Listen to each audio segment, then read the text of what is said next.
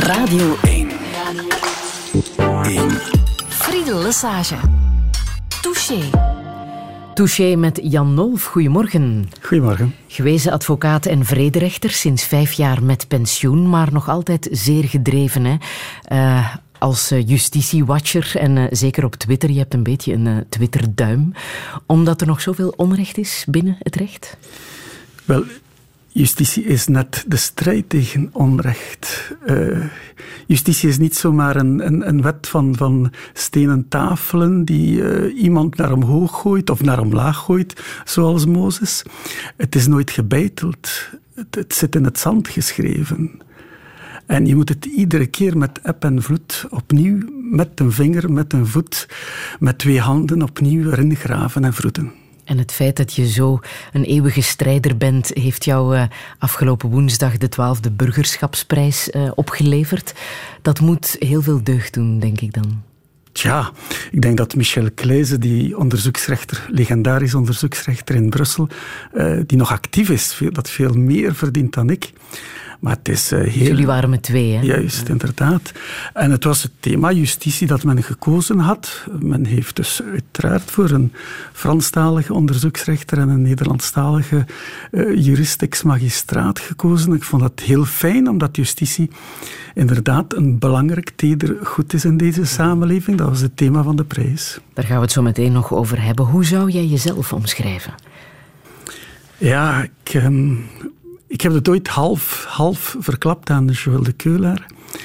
Uh, ik ben gevoelig voor onrecht, maar eigenlijk ben ik gevoelig en overgevoelig te koer. En dat is wel een probleem op een dag als deze. Um, ik ben ook heel schuchter. Maar zal zeggen, wat is met dat nu? Maar ik heb dat van mijn vader, die een heel timide man was. Uh, gehuwd was, prachtig huwelijk, met een heel wilskrachtige vrouw. En ergens ben ik de combinatie van die beiden. En ik heb die schuchterheid proberen te overwinnen vanaf mijn humaniora in Torhout.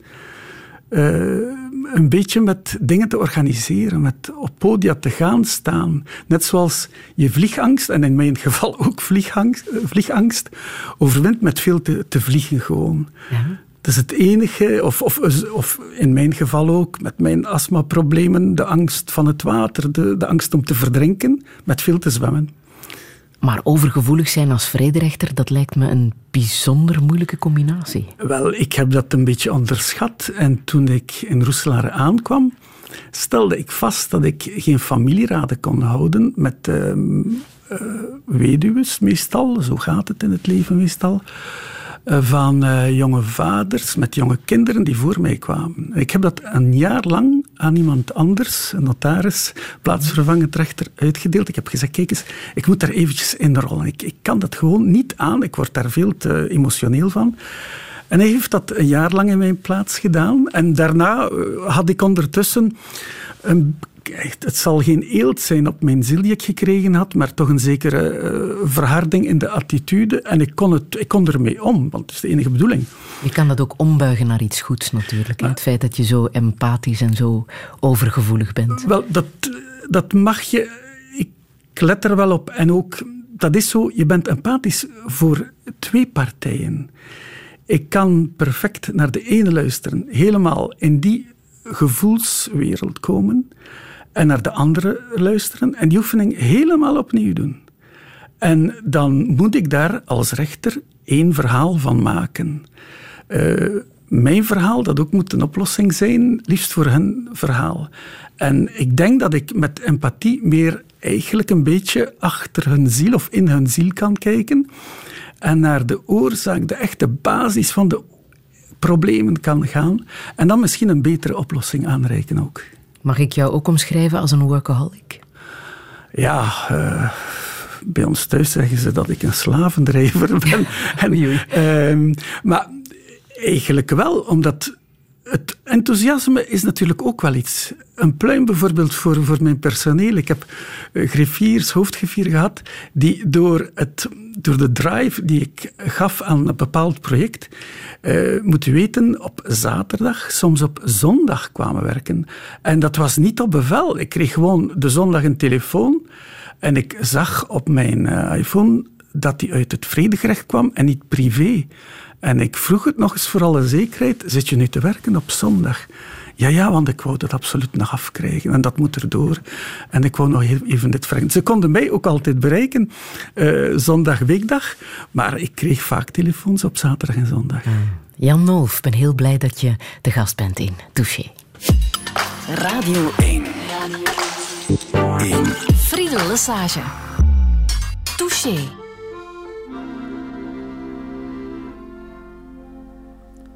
Ik mag hier zingen, nogal rock, maar vraag je dacht, dat is een goeie zaak. Maar over vierhonderd jaar, gelooft me vrije, te was niet waar. Dan was de brandstapel te radiezen, daar dinken we ze. Vier we terug, dan was de kerk vergoed, zijn nog veel te sterk. Ze gaf bewijs van grote macht, want zij deelt christendom verkracht. Met keizer Karel zijn militie en Inke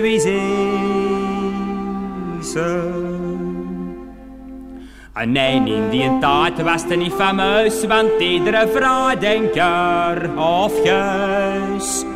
Of al die van de vrijheid sprak, vloog voor zijn leven in de bak. Was van de builen vaste klandise, daar denken wie ze.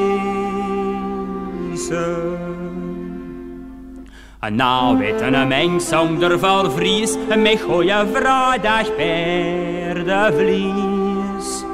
Daar kwam hem vroeger voor op straat, het was een vogel voor de kat. De fanatieke superstitie, en het dinken wie ze. Zo'n vrije zaak tot ons plezier bestaat alleen nog op papier. Waar dat de galle jij gestaan, weet geen mens, want ze is vergaan. Samen met heel die een hoop ambitie, van dinken wie. Er wordt nog veel wild maar verstaan de mensen onrecht ongedaan. In naam van vrijheid en van recht wordt er nog menige mens verknecht. Der slecht gebruik van de justitie, der inquisitie.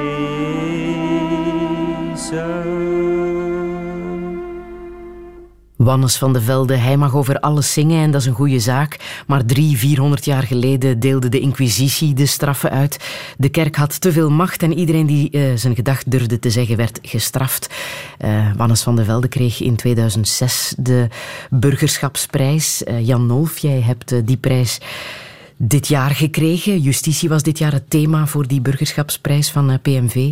Ehm, en ik lees even voor uit het juryverslag. Je hebt die prijs gewonnen wegens de niet aflatende inzet voor de bescherming van de gelijkheid van alle burgers voor de wet, de onafhankelijkheid van het gerecht tegenover de macht van het geld en de bescherming van de democratische rechtsstaat. Als we dit horen na een week als afgelopen week met onder andere de Kazachgate, dan is dat wel de nagel op de kop, hè? Tja, uh, ze konden toen niet voorspellen dat het nu natuurlijk zo uh, hard in het nieuws zou komen. Het werd eindelijk tijd. Ik heb overigens het boek dat ik uh, volgende week publiceer in Antwerpen. De kracht van rechtvaardigheid. Juist. eigenlijk geschreven met een heel groot hoofdstuk over de afkoopwet. Om die discussie aan te zwengelen. Jij omschrijft de afkoopwet als wettelijk georganiseerde onrechtvaardigheid, een absolute blunder. Is het wet geworden onrecht? Mhm. Ehm, en ik wou daar absoluut, absoluut een strijd tegen trekken, omdat die in totaal abnormale omstandigheden uh, tot stand is gekomen, met een abnormale parlementaire procedure. Uh, blijkbaar toch met beïnvloeding, drukking. En daarboven omgekeerd toegepast dan wat Karel de Vries destijds aangekondigd heeft.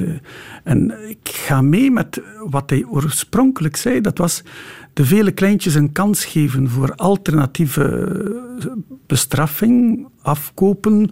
Is het dan eigenlijk niet? Het is iets betalen als een vorm van schulderkenning. En uh, het proces vermijden. Voor de vele kleintjes. De de winkeldiefstal, de kleine fraudeur, de kleine cafébaas van Michel Maus bijvoorbeeld.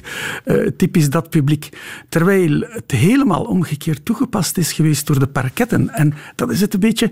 Zij, zij hebben gekozen in hun publiek om hun werklast te verlichten, namelijk die grote processen laten ze nu afkopen en die vele kleintjes pakken ze wel aan. En, dat en had je je daarin kunnen vinden dat het moest gelden voor die kleine fraudeurs, voor die kleine zaken? Absoluut. Ja? Want dat is eigenlijk het thema van, van heel mijn werk geweest in, in Roeselaar als vrederechter.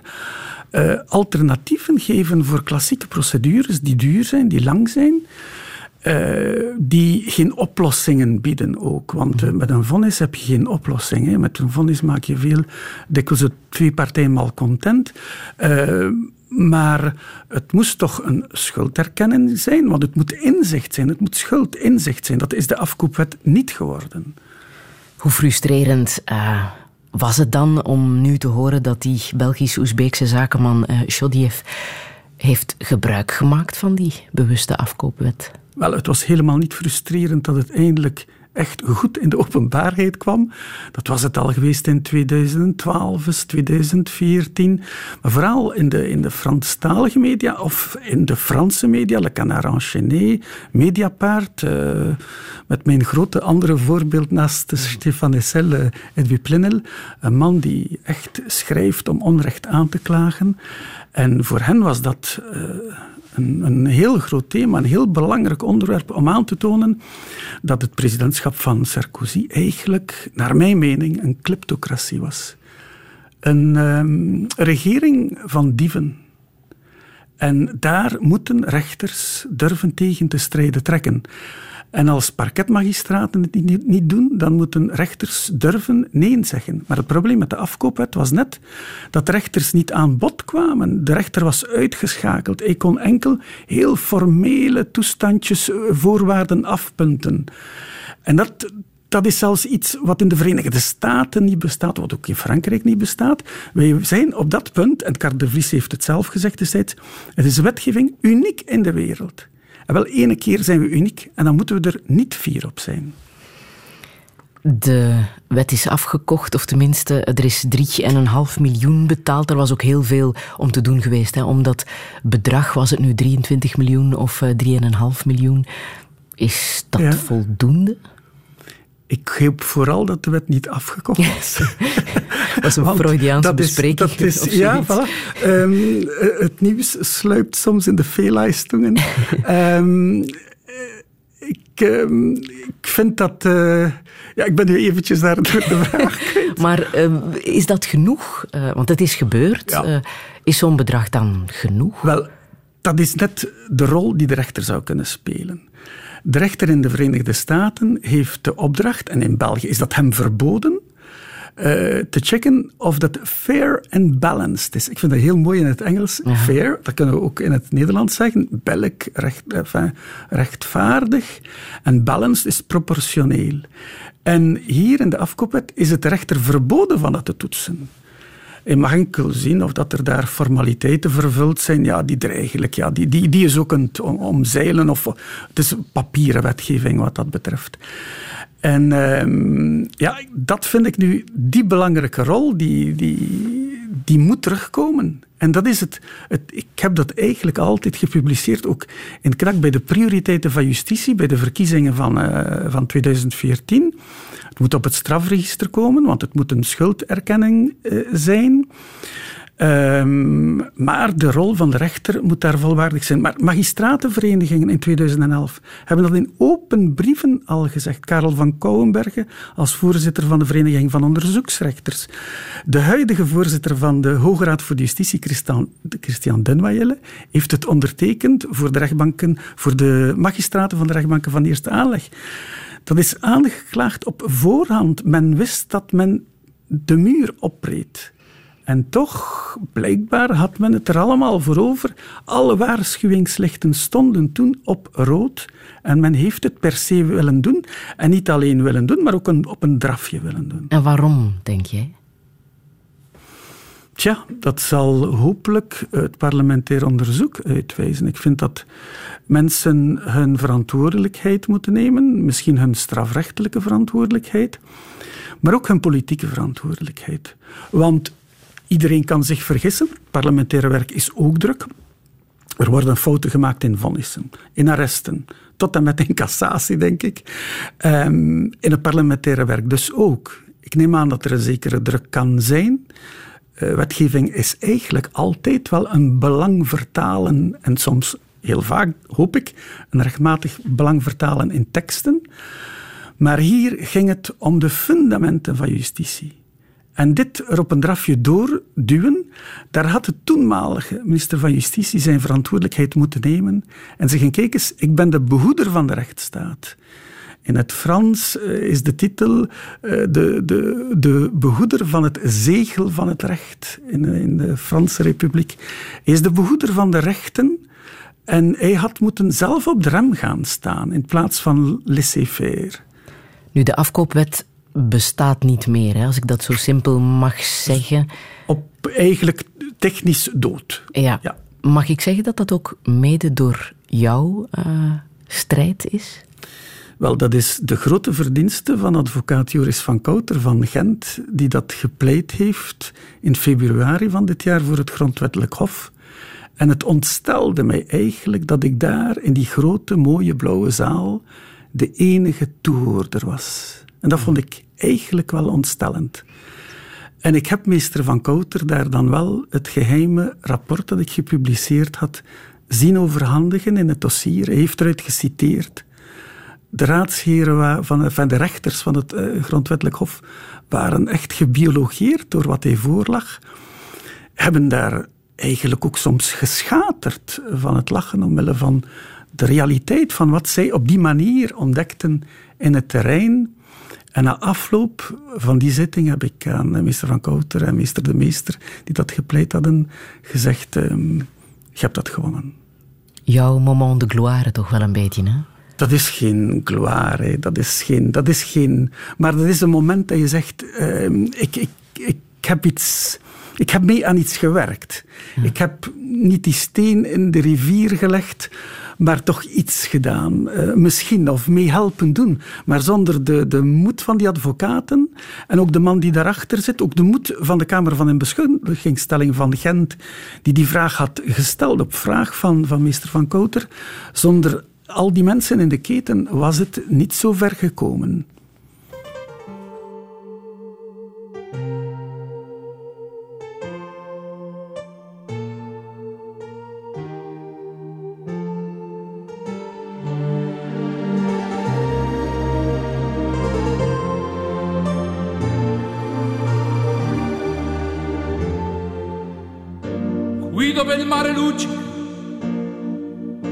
Tira forte il vento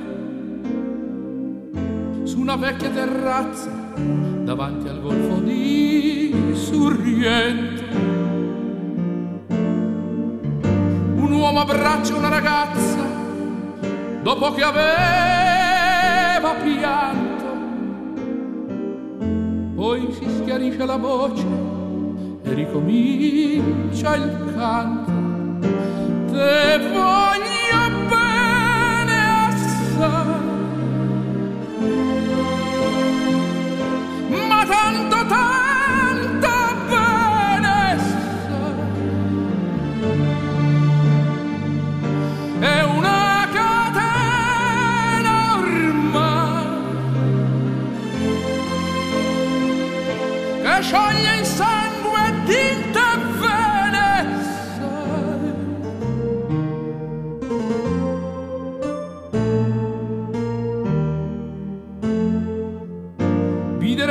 mezzo al mare, penso alle notti là in America. Ma erano solo le lampare e la bianca scia d'un'elica. Sentì il dolore della musica, si alzò dal piano forte, ma quando vide la luna uscire da una nuvola, mi sembrò più dolce anche la morte. Guardò negli occhi la ragazza, quegli occhi verdi come il mare. Poi all'improvviso uscì una lacrima e lui credette d'affogare.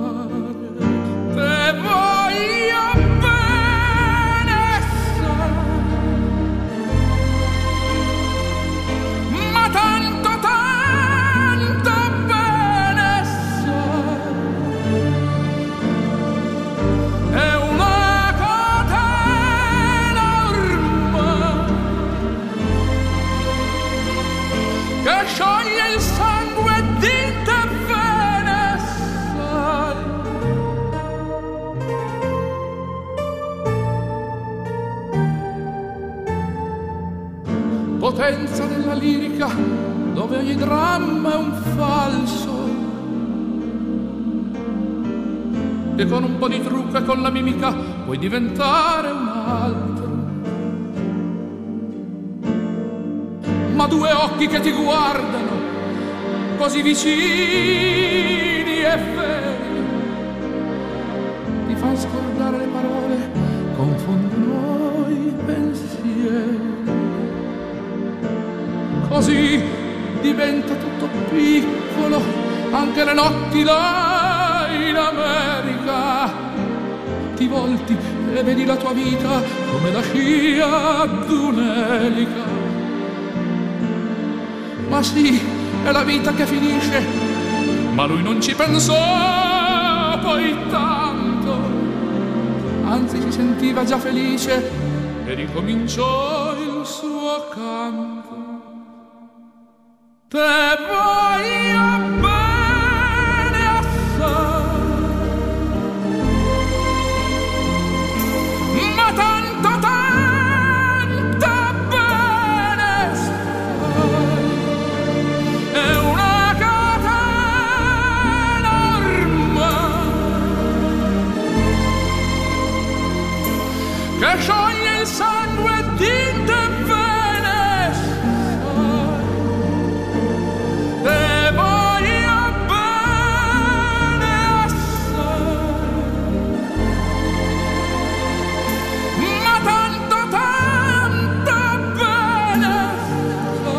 Luciano Pavarotti met Caruso over een Italiaans-Amerikaanse pianist die met weemoed terugdenkt aan een eh, geliefde uit Sorrento, Jan Nolf.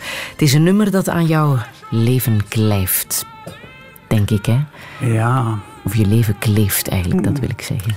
ehm, men heeft het eh, woensdag ook op eh, de viool gespeeld. Mhm. Waaraan doet het jou denken? Ik, ehm, hmm, op een ochtend dat ik ehm, naar Roeselare reed, mijn vader lag in het ziekenhuis en ik hoorde dat. En ik ben aan de kant moeten gaan zitten, enfin, rijden, parkeren, bij de eerste afrit. En dat eh, lied laten uitdijnen. Omdat het een herinnering, voor mij een herinnering is aan hun dagen in Amerika op het einde van hun leven waren ze maanden aan een stukje, inderdaad, in de zon van Californië bij mijn zussen verbleven. Hebben daar zo intens mooie foto's van. Ze, mijn ouders woonden voor een stukje nog in Torhout eigenlijk. Voor de rest, het zij in, in Californië of in, in Zuid-Frankrijk. En ik heb daar zo'n mooie ehm, foto's van, van die rustige dagen, die ook een vorm van afscheid zijn. En iedere keer dat zij vertrokken naar de Verenigde Staten, was dat het idee, ja, het zal misschien de laatste keer zijn. Misschien zal er daar iets gebeuren, want er was toch een vrede gezondheid. Ehm, en dan is later naar mijn vader mijn moeder alleen gegaan. Eh, nog, Ehm, zij heeft ook ja, moeten afscheid nemen van eh, mijn zussen hier. Dan op het moment dat zij wist dat het de laatste keer was. Ja, is het afscheid. Hoe zou je je ouders omschrijven? Wat voor mensen waren zij? Ja, is een beetje een fase zoals je ze herinnert in je jeugd. Ik zou bijna zeggen, de vijftiger jaren waren jaren van, van strengheid, gehoorzaamheid, braaf zijn, stil zijn, je best doen, maar ook natuurlijk tederheid. Ik herinner me mijn vader die opstond s'nachts als ik mijn astmacrisis had en hij moest toch s morgens vroeg gaan werken en ze losten mij dan af. Ik ben soms naar buiten moeten gaan omdat ik het binnen niet inhield en ik ik zie mij nog staan onder de sterrenhemel met mijn vader. Mhm. Op een moment dat ik dacht, ik ga dood. Ja? Ja. Was het zo erg? Ja, zeer erg. Mhm. Aha. En hoe ben je daardoor geraakt? Ja, dat is pas... Um, ha, ik ben net nog afgekeurd van mijn legerdienst. En uh, ik heb toen uh, op advies van uh, een dokter een, speciale kuur, een immuniseringskuur gevolgd. Die overigens niet zonder risico is en die, nu eigenlijk nauwelijks meer gebeurt, dacht ik, de bankaarkuur. Jarenlang. Mijn schoonmoeder heeft die heel delicate inspuitingen gedaan. En um, dat is een fantastisch succes gebleken. En ik ben enorm sportief geworden. Ja, toeval wou wel ondertussen dat ik met een ja, een, een sportvrouw gehuwd was, een, een lerares. Uh, dat helpt.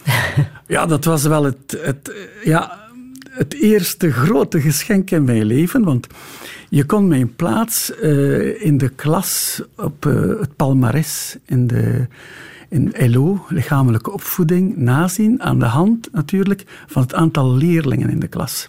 En soms was ik niet de dertigste, maar de 25ste, als op dat jaar er maar 25 leerlingen in de klas zaten. Dus ik was altijd de laatste om uitgekozen te worden voor mee te voetballen, want ik kon nauwelijks 10 meter goed lopen zonder te hijgen. En toen ik Anne ontmoette, piepte ik eigenlijk nog als een orgel, zeiden ze in West-Vlaanderen. en Zo. Zo echt, uh, ja, heel kort. Maar je kent dus wel het gevoel van ja, niet mee te tellen, een beetje buitengesloten te zijn uh, ja, vanwege die astma. Uh, ja, dat is. Het is um, maar op die manier, ja, het, ik denk dat het mij mee bijgedragen heeft tot, tot een vorm van empathie. dat is het alleszins wel. Natuurlijk, op die manier heb je, mis je in je jeugd uh, niet tegenstaande de goede vrienden die ik had en de fantastische klassen waar ik in zat, toch een, een vorm van, van groepsgevoel, samenhorigheid, teamplaying. En op die manier blijf je samen met schuchterheid dan natuurlijk uh, een jongen met een hoekje in een boekje. En ik heb altijd mijn best proberen te doen om, om daar toch aan te werken. En, en dan ga je soms in overdrive. Nu, elk nadeel heeft zijn voordeel, want daardoor ben je veel beginnen lezen en ook beginnen schrijven. Hè? Ja, maar ik ben eigenlijk ook enorm veel beginnen sporten. Mhm, mhm. Ehm, want uh, ik ben pas echt begin... Ja, beroepshalve heb ik veel geschreven. Hè. Uh, als advocaat, wat men besluiten noemt, de conclusies. Ja, De mijne waren notoire lang. Ik heb daar wel opmerkingen over gekregen van bepaalde rechters. Maar ik, zeg, ik heb altijd gezegd, ik wil wel dat alles erin staat. Ik wil het verhaal goed brengen. Mhm. Maar men had niet altijd zin om dat allemaal te lezen. Uh, en dan als rechter was dat net hetzelfde. Ik dicteerde alles. Ik heb uh, zowel als advocaat als als uh, rechter nooit één woord zelf op papier gezet. Het is altijd gedicteerd geweest, al die jaren, die, die 10 plus 25 jaar. Dus het waren lange verhalen, maar toch wel gestructureerde verhalen. Ik heb vonnissen van 50 bladzijden geschreven. Altijd wel, in die moeilijke juridische taal waar ja, ik nauwelijks iets van begreep. Ik denk het niet. Om te beginnen, het was een, een vonnis met een inhoudstafel. Ja? ja, met hoofdstuk, paragrafen. En in het begin las je waar ik, hoe het gestructureerd was. Ten mhm. tweede, er was geen overwegende dat in. Hè? En er was geen wij in. En uh, ik heb altijd uh, gewild dat mijn vonnissen leesbaar zouden zijn, niet alleen voor de advocaat, maar ook voor de cliënt achter de advocaat. Ten andere, als uh, vrederechter heb je vaak te maken met mensen zonder advocaat. En dat je dat traint zichzelf een beetje. Mensen spreken je op een heel directe manier aan. En op die manier geef je een heel uh, direct uh, antwoord in wat ze plain English zouden noemen hier. En ja, het is niet plat West-Vlaams natuurlijk, maar uh, wel in Nederlands dat ze moeten begrijpen. Wat was jouw ambitie om, om rechten en criminologie te gaan studeren? Hm. Eigenlijk enkel rechten oorspronkelijk. Um, om diplomaat te worden. Ja? Ja. Uh, ik was meertalig opgevoed. Um, en ik wou in, mijn moeder was zeer geïnteresseerd in geschiedenis. Ze was ook veeltalig, veel meertaliger dan ik. Ze had al Esperanto uh, geleerd voor de oorlog en Duits tijdens de oorlog. Mijn Duits is nooit zo goed geworden als het hare. Uh, maar dat is ook mijn geluk dat ik die tijd niet gekend heb dan natuurlijk. Um, ik wou diplomaat worden omdat uh, het wereldgebeuren mij enorm interesseerde. En toen ik Anne ontmoette, zei ik dat ook. En dat vond ze fantastisch, want ze wou niet met een advocaat trouwen. Oei. Ja. en eigenlijk is het de, ja, de tragiek, de echtscheiding van haar ouders die dat heeft doen kantelen. Ik ben geïnteresseerd graag daardoor in het drama van families, vechtscheidingen. Zij was nogthans enig kind, maar het, een al volwassen natuurlijk. Ehm, en dat is het drama geworden dat mij geïnteresseerd heeft aan familierecht. Uh, met ook mijn vele discussies met bijvoorbeeld professor Delva, die toen heel uh, conservatief was uh, tegen abortus enzovoort, met wie ik grandioze discussies heb gehad. En op het einde heb ik dan de criminologie erbij gedaan, want ik had een jaartje verloren door het eventjes helemaal niet te zien zitten in het tweede jaar. Of economie had ik dan en, uh, en sociologie. En dat waren vakken die mij echt niet aan mij besteed waren. Dus ik had een soort West-Vlaams schuldgevoel en dan wou ik rap een jaartje inhalen met twee studies terzelfde tijd aan te pakken. En dat werd een criminologie. En zo heb ik dan uiteindelijk gezien hoe wij ineen zaten. Want tot dan, uh, ik ben Latijns-Grieks opgestudeerd, uh, dus ik wist, ik dacht dat de mens een, een vat van bloed en benen was. Zo. En door professor Thomas, professor Temperman, met het lijkopeningen, de lugubere lijkopeningen, heb ik gezien hoe het menselijk lichaam ineen zit. Sag mir, wo die Blumen sind, wo sind sie geblieben? Sag mir, wo die Blumen sind, was ist geschehen? Sag mir, wo die Blumen sind. Mädchen pflückten sie geschwind. Wann wird man je verstehen? Wann wird man je verstehen? Sag mir, wo die Mädchen sind. Wo sind sie geblieben?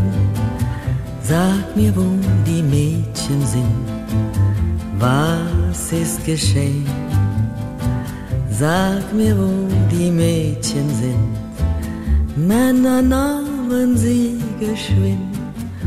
Wann wird man je verstehen? Wann wird man je verstehen? Sag mir, wo die Männer sind.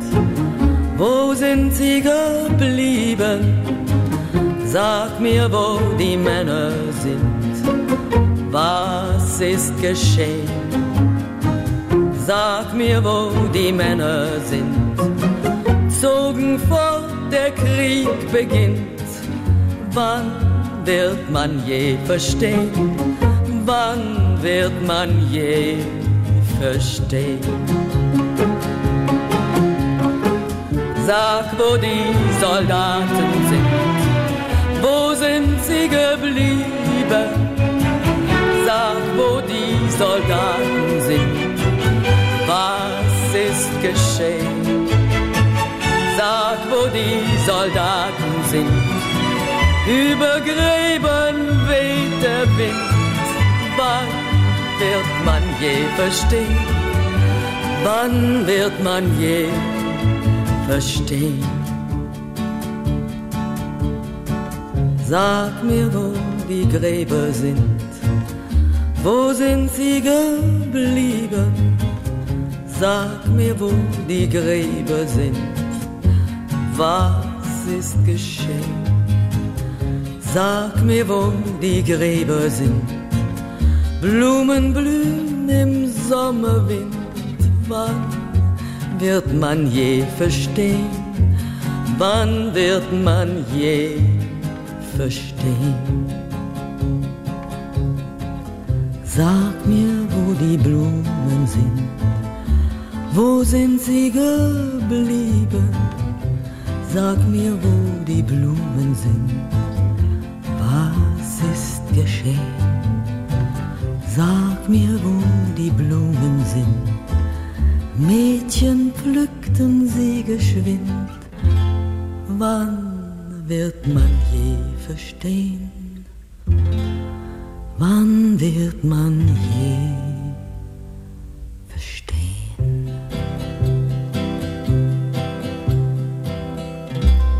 Het oorlogslied van Marlene Dietrich, Saak mich, wo die bloemen zingt, Jan Nolf. Het is een nummer met betekenis voor jou, hè?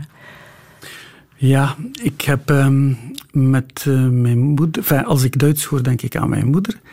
Uh, vaak gesproken over het pacifisme, of wat pacifisme niet is, en wat verzet kan zijn of mag zijn, en volgens haar niet moet, mocht zijn. We zijn er eigenlijk niet helemaal uitgeraakt. Wat was het um, voor haar? Verzet? Um, verzet voor haar, uh, ze had dat in de Tweede Wereldoorlog deels gezien, was eigenlijk de last voor de burgers verergeren. Ze vond dat je toch het beter mocht ondergaan en dat oorlog iets voor soldaten was. En in haar familie, en zij zelf heeft dus inderdaad meegewerkt, uh, gecollaboreerd is in het geval van mijn moeder niet echt waar. Maar ze heeft toch haar burgerrechten verloren na de oorlog. Op het moment dat ze trouwde met mijn vader, uh, mocht ze, had ze het stemrecht dat er toen pas was voor de vrouwen niet. Uh, terwijl mijn vader gedecoreerd is als werkweigeraar. Dus zij komen uit twee totaal verschillende familiale geschiedenissen. Dat is ook het verhaal dat ik toch even breng in mijn boek. En ik vind dat zo belangrijk als verzoening na de oorlog. Nu, uh, mijn idee, maar wie ben ik dan natuurlijk? Uh, geboren zoveel, een stukje comfortabel, 50, 60er jaren, de gouden generatie, zo na de oorlog in het comfort. Wie zijn we? Om onze ouders natuurlijk te veroordelen. We, mogen natuurlijk wel een oordeel hebben. En, en uh, ik weet dat ze zei, ja, beloof mij dat je jongens, als het ooit oorlog wordt, niet in het verzet gaan. Ik zeg, moe, ik kan dat niet beloven. Dat gaan ze om te beginnen zelf moeten beslissen natuurlijk. En ik geloof in verzet. Uh, dat is ook uh, wat Bert Kruismans uh, in zijn laudatio in, in, in zijn samenvatten. Op de burgerschapsprijs, ja, voilà, ja. Jan Olf heeft de stem van Hessel, van Stefan Hessel gehoord. En die stem van Hessel is niet alleen verontwaardiging, maar is vooral actie, is vooral verzet. En justitie is het verhaal van verzet tegen onrecht. Mm -hmm. En soms in oorlogstijden, in tijden van groot maatschappelijk onrecht, dictaturen, Zuid-Amerika, uh, tot in Europa, van Spanje tot Griekenland, tot, uh, tot Portugal, uh, destijds in onze levenstijds tenslotte, is dat een vorm van verzet. En ik, heb, ik, ik ben daar een beetje fanatiek in. Ik heb, zolang dat Franco er was, geen sinaasappelen gegeten uit, uit, um, uit Spanje. Ik um, koop ook geen dingen uit, producten uit wat ik de bezette gebieden dan noem, in, uh, in Israël. Uh, ik let daarop in kleine dingen op. Maar uh, ja, verzet kan, kan dan ook met de pen zijn. De pen is machtiger dan het mm. zwaard. En je zoekt ook naar dat soort verhalen in de literatuur en in de film, hè? Ja. Man bijvoorbeeld van uh, Oriana Fallaci heb je ja. gelezen, heb je trouwens ook meegebracht. Juist, ja. ja. Zet van uh, Costas Gravas, de film uit 69. Uh, Fallaci is zelf natuurlijk een, een heel krasse, krasse dame die in haar interview voor Comedy haar hoofddoek afnam om te zeggen, ik aanvaard niet dat je dat verplicht. Um, maar het is, het is haar vriend, vroeger even eigenlijk een dichter, een Griekse dichter, later volksvertegenwoordiger in Griekenland, die een moordaanslag uh, heeft gepoogd op de toenmalige dicta dictator van het kolonelsregime.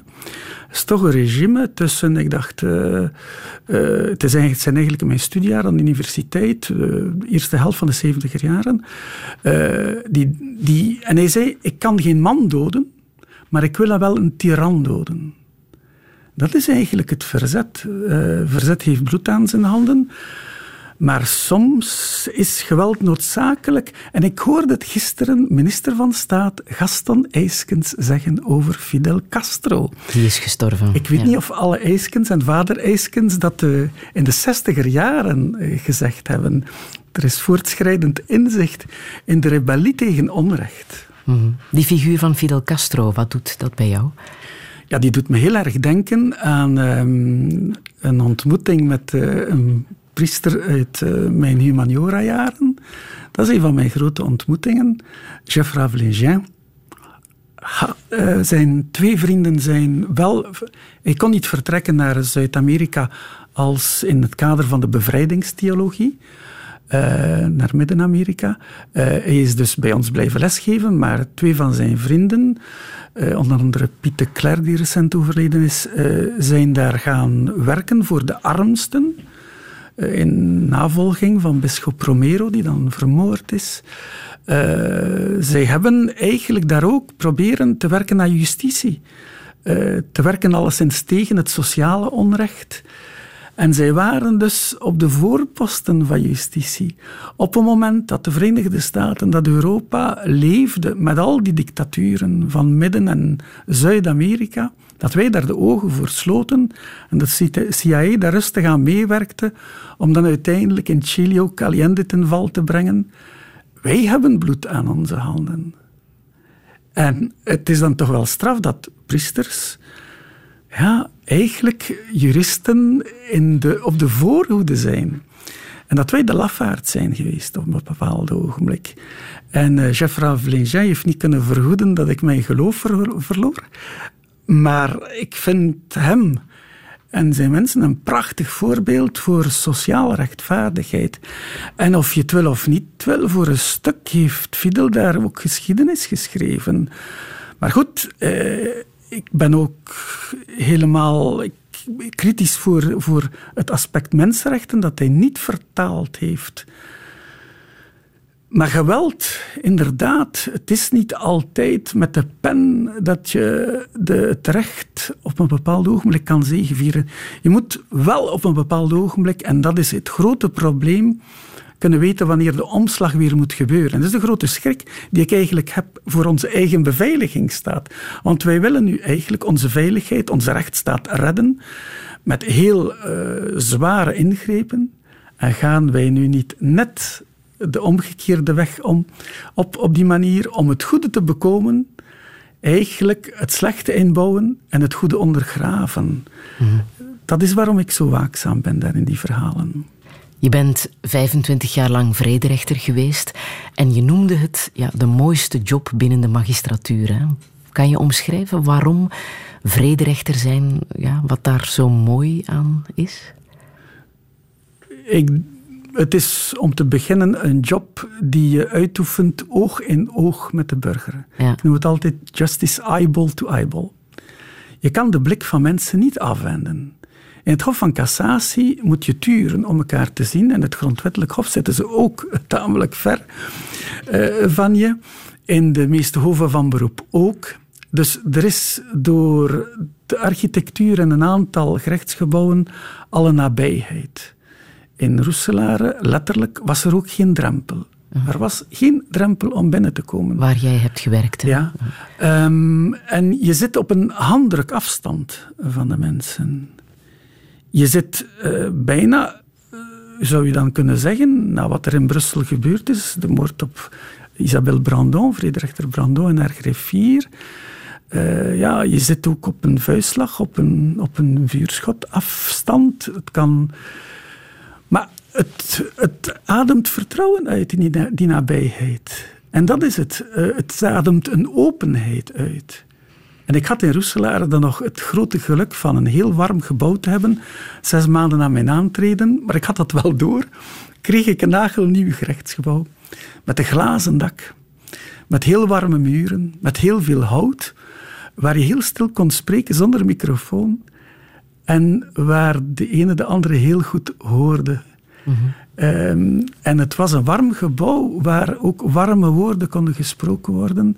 En het is dus ook een warme justitie, uh, een tedere justitie die ik verdedig voor het vrederecht.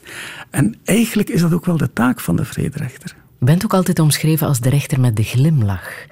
Waarom, wat, wat kan je doen met een glimlach in een gerechtsgebouw als vrederechter? Ik weet niet. Ik, ik, tot 95 was ik ook politierechter. Ik weet niet of iedereen die toen voor me kwam eh, zich die glimlach uh, herinnert. Want ik was ook een zeer strenge politierechter. Een Peter Dont avant la lettre. Maar toen was dat nog niet zo, niet zo welkom. Zelfs niet in de magistratuur en alleszins niet in de advocatuur.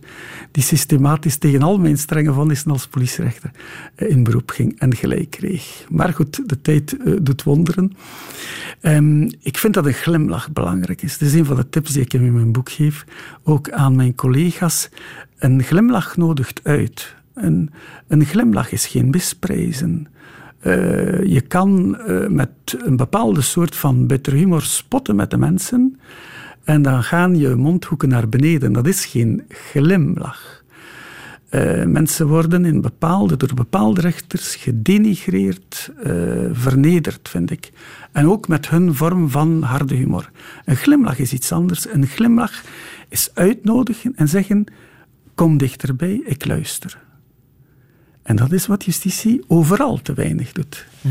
De waarde van verzoening, dat is wat jou heel na aan het hart lag hè, als vrederechter. Absoluut. En eigenlijk was dat de omslag een beetje na een paar jaar. Ik ben daar heel rap juridisch uiteraard ingerold. En dan ga je op automatische piloot over. En dan ontdek je ergens een leegte. Je maakt al vonnissen, die worden zelfs gepubliceerd voor de collega's dan in het kleine cirkeltje. En waar zit de zin van het alles? Want je weet dat de mensen vertrekken met een mooie vonnis dat af is. Ze hebben geen oplossing. Mhm. En het kost hen ook nog veel geld. En net voor eh, Dutroux ontplofte, 495, ben ik begonnen met een andere aanpak. Uh, die me eigenlijk ook aangegeven is door de sfeer in mijn vredegerecht. En waar ik de medewerking van de advocatuur en van mijn personeel heb gekregen. Het is me ook voor een stuk aangereikt. Om buiten procedure om alle uh, kleine zaken proberen aan te pakken. En gemiddeld waren dat er 500 eh, de eerste jaar. Dat zijn er heel snel 3000, 4000, 5000 per jaar geworden. Waarvan altijd een derde buiten procedure opgelost Kan je daar een voorbeeld van geven? Hoe je dan ja, procedures probeerde te vermijden door verzoening? Wel, verzoening is eigenlijk een afhandelingsmethode die bestaat in het gerechtelijk wetboek. Ik heb, dat, ik heb de wet niet veranderd om dat te kunnen doen. Mm. Die bestaat. Maar dat zijn zo van die artikels die niet gebruikt worden, waar niemand aan denkt. En um, verzoening kan je overigens niet opleggen. Ik kon de medewerking niet afdwingen. En het, het mooiste voorbeeld had ik eigenlijk bij een, een, een, een, firma die twee advocaten had voor heel grote standaardinvorderingen. En de ene was overtuigd van verzoening, de andere niet. En de ene, op, door verzoening, moest geen gerechtsdeurwaarder inschakelen. Uh, er kwam geen vonnis aan te pas enzovoort. Het ging allemaal veel sneller. Terwijl de andere wel met een gerechtsdeurwaarder heel veel kosten opbouwden. En daardoor druppelden de centen bij de schuldeiser ook minder snel terug binnen. En op die manier was de, diegene die de klassieke procedure uh, bleef volgen wel gedwongen om eigenlijk ook het alternatief op te zoeken. Dus verzoening is economisch een heel rendabel model voor iedereen. Want het, het, het, uh, er zijn geen kosten voor de schuldenaar. Dus geen deurwaarderskosten, geen gerechtskosten. Maar daardoor komt de zuivere factuur veel sneller naar de schuldeiser. Het is economisch een rendabel model. Maar het is toch, niet zomaar toch ben je vervroegd gestopt als vrederechter. Uit onvrede. Ja, onvrede met het, niet met het vredegerecht natuurlijk, maar wel met de bepaalde plannen in justitie. En um, een van de meest zinvolle taken die ik, die ik wel had, dat was families verzonnen. Want ik had, ik had het trauma van die, van die echtscheiding. En ik heb ook in mijn generatie bij vrienden zoveel uh, drama's uh, gezien. Ik had ook als advocaat zoveel drama's meegemaakt.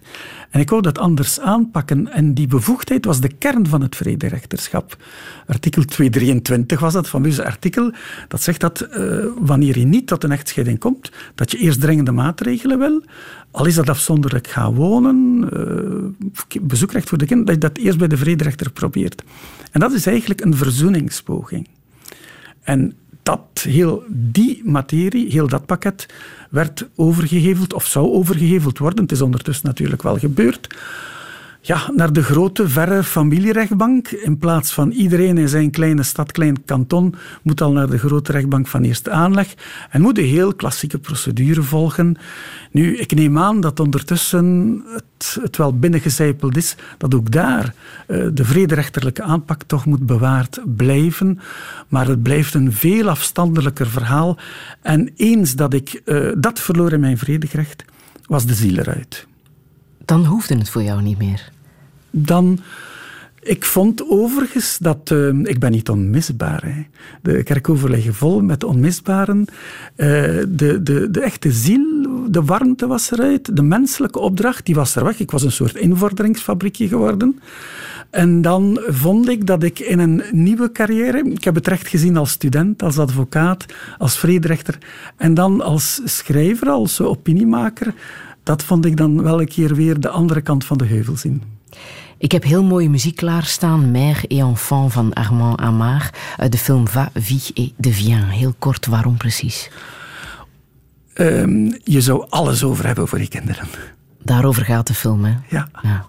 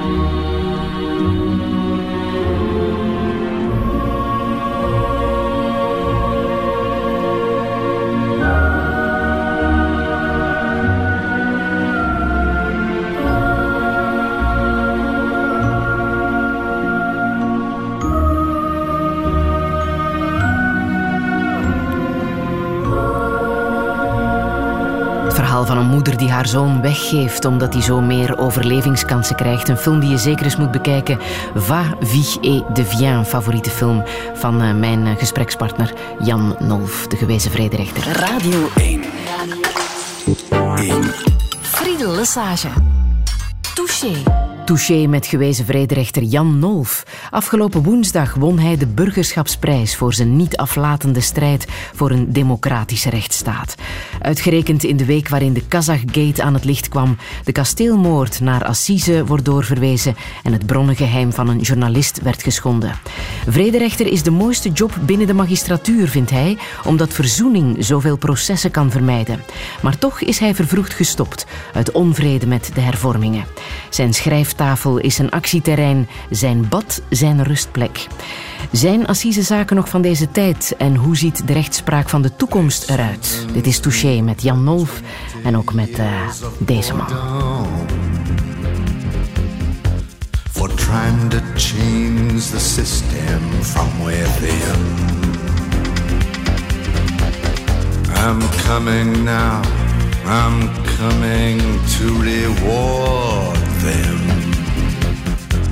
First, we take Manhattan. Then we take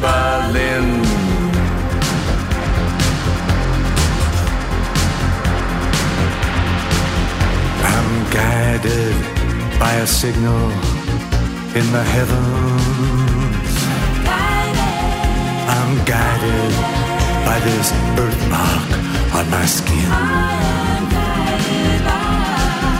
I'm guided by the beauty of our weapons. First, we take Manhattan. Then we take Berlin.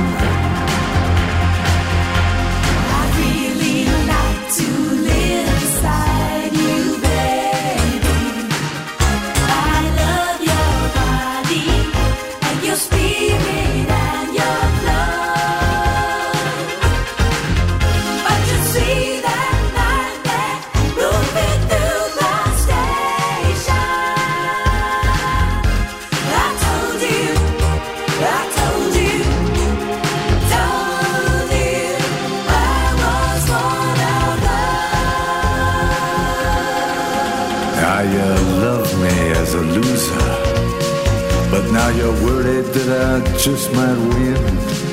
You know the way to stop me. But you don't have the discipline. How many nights I prayed for this to let my work begin. First, we take Manhattan. Then we take Berlin.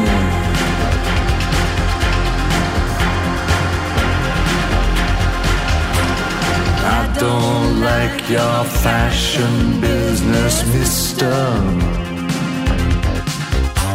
And I don't like these drugs that keep you thin. I don't like what happened to my sister. First, we take Manhattan. Then we take Berlin.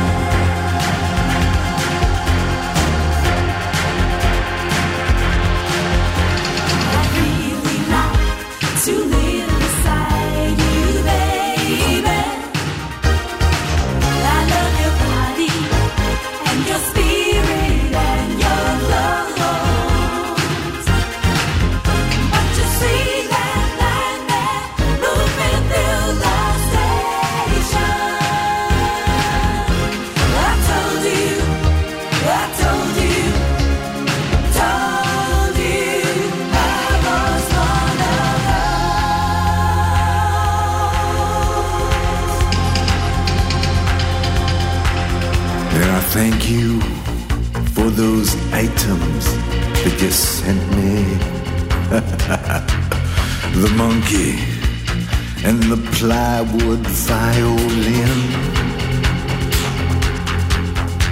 I practiced every night. Now I'm ready. First, we take Manhattan. Then we take Berlin.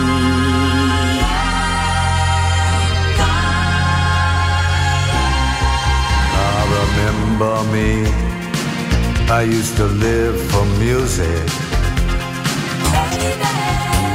Remember me. I brought your groceries in. Well, it's Father's Day, and everybody's wounded. First, we take Manhattan. Then we take Berlin. Leonard Cohen en First We Take Manhattan. Jan Nolf, mag ik zeggen dat jij daar een beetje op gelijkt, fysiek? Een heel klein beetje, hè? want je laten vergelijken met Leonard Cohen, dat kan natuurlijk dat, niet. Uh, dat er zo uh, godslastering zijn. Voor, um, met dat uh, domme hoedje dat ik maar een paar dagen geleden ha haastig toevallig kocht in het station. eventjes in zwart-wit, misschien een heel klein beetje. Wat, ben, wat ben ik toch gevleid daardoor. Maar je hebt iets met dit nummer ook, hè? First We Take Manhattan. Ja, het is zoals in alle poëzie van, van Leonard Cohen, uh, je mag erin lezen wat je erin wil lezen. Het is eh, zo heel diepgaand voor hoe diep je wil graven. Het is uh, voor een stuk een verzetstrijd. We gaan van hier naar daar. We hebben plannetjes. um, de eerste zin was ook een beetje zo van die 20 years of boredom. Ik, ben, ik heb met pijn afscheid genomen van de advocatuur, die eigenlijk wel een fantastische job is. Hè? En die veel moeilijker is dan rechter zijn. Hè? Mm ik, ik, heb immens veel bewondering ondertussen, vooral de pleidooien die ik nu al gehoord heb. Niet alleen mijn zittingszaal, maar in die laatste jaren, uh, ik heb die als toehoorder gehoord. Uh, van advocaten in grote processen. Ik heb immens veel bewondering daardoor. Ik vind het dus veel moeilijker dan het laatste woord van de rechter te hebben. Maar um, er zit ook iets heel belangrijks in: een signal from the heavens. En ik denk dan aan een man, Falacci. Falacci zei dat we ons niet te veel druk moeten maken over wat we goed doen of slecht doen. We moeten ons best doen, we moeten ons lot aanvaarden. En um, wat Quinn doet is eigenlijk, is een gelovige man, ik niet.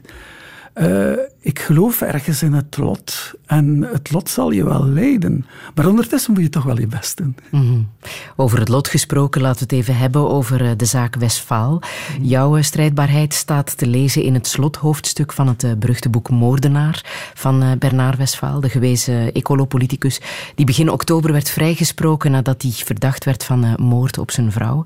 Dit zei de advocaat van Westfaal na de vrijlating. Meer in algemeenheid gaat dit proces toch moeten aanleiding geven tot een aantal reflecties. De jury is toch wel vrij hard geweest in de motivering voor een aantal tekortkomingen in het onderzoek. Mhm. En ten tweede, en dat is mijn persoonlijke toevoeging, uh, dat uh, hier toch ook een vraag moet worden gesteld bij de houding van bepaalde media in het algemeen, dan wel bij enkele journalisten in het bijzonder. Touché. Heeft de volksjury zijn werk beter gedaan dan de beroepsrechters, Jan Noof, in de zaak Westfaal? Ik eh, denk dat de volksjury daar haar grote nut bewezen heeft. Assisen daar haar grote nut bewezen heeft door de kans te geven om eigenlijk het hele verhaal toch eens opnieuw te doen. En het huiswerk te hermaken. En de motivering van de jury is vrij snijdend, is uh, heel erg duidelijk dat er toch pistes uh, niet voldoende zijn onderzocht. En dat heeft twee kanten. Dat is eigenlijk heel erg voor de familie van wie we nog altijd het slachtoffer noemen.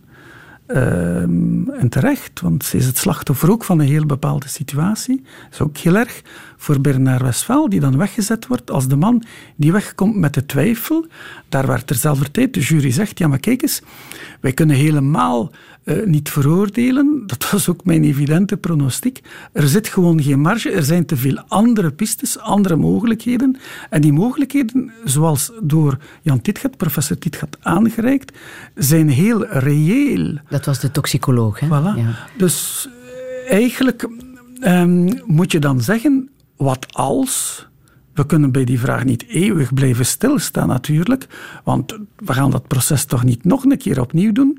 De jury heeft wel gesproken en er is een duidelijke andere optie, uh, mogelijkheid voor wat er zich afgespeeld heeft dan doodslag, laat staan moord, waarmee men als werkhypothese uh, maandenlang gewerkt heeft in Brugge. Maar op zich ben je in deze zaak een buitenstaander geweest. Je hebt het wel heel nauwgezet gevolgd, maar waarom precies? Waarom heb je het zo van dichtbij gevolgd? Ik heb de naam van Westfaal moeten leren uitspreken en schrijven die zaterdagmorgen dat ik in de badkamer dat nieuws hoorde. En mijn onmiddellijke reflex was eigenlijk naar een heel technische vraag, een, um, hoe noem je dat, een tuyau, uh, die ons gegeven werd in de examenvragen van strafrecht over heterdaad. Mm -hmm. uh, heterdaad in zaken van aanhouding van parlementairen is een heel strikt nauw begrip. En uh, als ik die eerste versie van de aanhouding hoorde en wist wat er ongeveer een beetje gebeurd was in de volgorde, dan dacht ik, oei, oei, als ze daar maar geen fatale procedurefout hebben gemaakt. Want dan zal Westfaal misschien wegkomen met een technische vrijspraak en hij zal zijn leven lang moeten leven met het odium, de, het verwijt dat hij als politicus door een procedurefout weg is gezet. Nu, dat is het wel niet geworden, uh, maar dan is hij toch het, ja, zelf het slachtoffer geworden van wat ik als advocaat destijds zoveel heb meegemaakt en eigenlijk waar zo weinig aan veranderd is, dat is het misbruik van de voorhechtenis. Ook minister Koen Geens schrijft dat in zijn justitieplan, dat dat te veel, uh, te vaak ingezet wordt. Uh, laten we maar zeggen, als een middel om te sudderen en om tot bekentenissen over te gaan, wat uh, Bernard Westphal nooit gedaan had, omdat hij rotsvast uh, overtuigd was dat hij de waarheid zei en de waarheid zei tout court. Um, maar je vraagt je af of magistraten, uitgerekend magistraten, en dan natuurlijk ook de pers, dat is, dat is makkelijk om te zeggen, het is de pers die het vermoeden van onschuld schendt. De eersten die het niet moeten doen zijn natuurlijk onderzoekers en magistraten. En daar denk ik dat er toch wel werk aan de winkel is. Ik heb zo het gevoel soms dat er magistraten zijn voor wie er geen onschuldigen bestaan. Um, en dat is een stukje beroepsmisvorming. Ik heb altijd geloofd, bijvoorbeeld in mijn job, dat ik die mijn hele leven in de magistratuur zou doen. Ik ben van dat idee een beetje afgestapt. Verfrissen in een andere functie, totaal andere functie, dat kan geen kwaad. Want door je leven lang onderzoeksrechter of parketmagistraat te zijn, dan ga je een bepaald beeld van de mensheid krijgen, bepaalde reflexen krijgen en dan weet je het niet meer. Eh, in Brugge zetelt een onderzoeksrechter, de onderzoeksrechter eh, voor terrorisme bevoegd, achter een Amerikaanse vlag.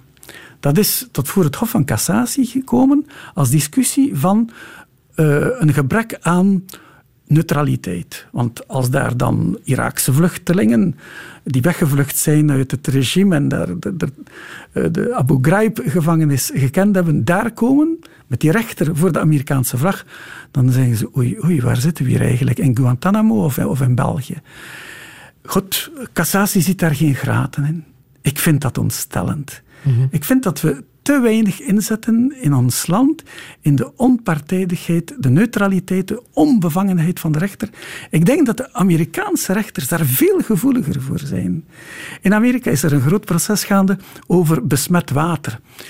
En de rechter die dat moet beoordelen, die had ooit, jaren geleden, in die stad ooit een paar weken doorgebracht en die heeft dus van dat water ooit gedronken. Wel, die heeft zich gerecuseerd. Die heeft gezegd, kijk eens, ik zou kunnen een reflex van partijdigheid hebben, omdat ik belang heb bij die zaak. Je, je moet niet denken dat in België, in zo'n vergelijkbare zaak, rechter zich zou terugtrekken.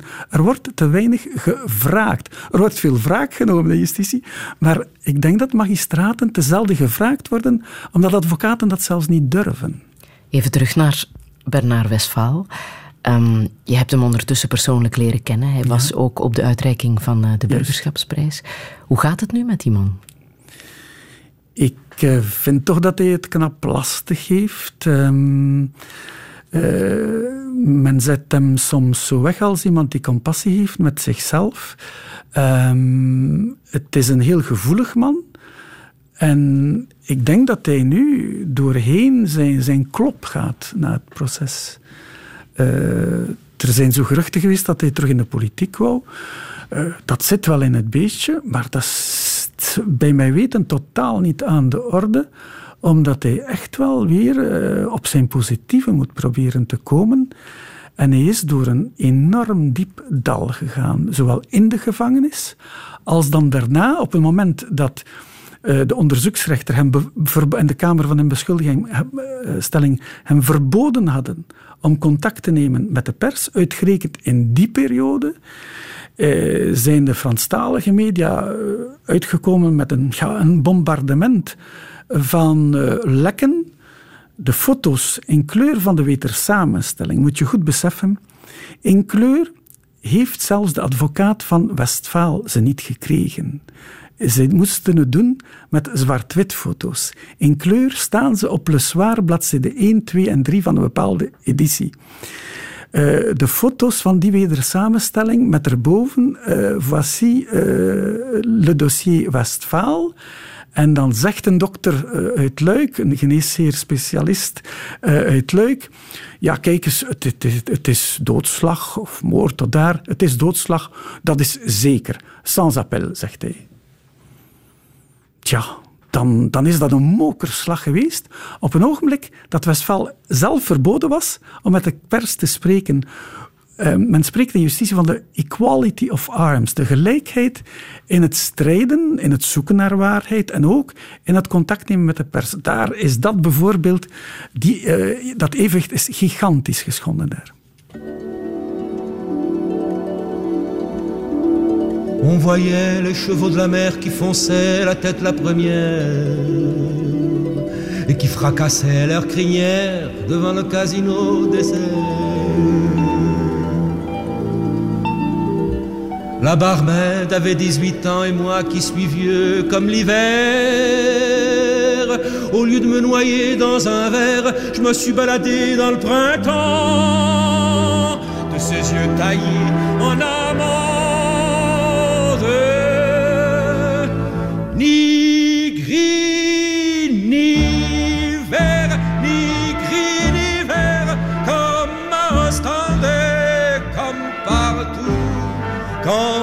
Ville tombe la pluie et qu'on se demande si c'est utile et puis surtout si ça vaut le coup, si ça vaut le coup de vivre sa vie.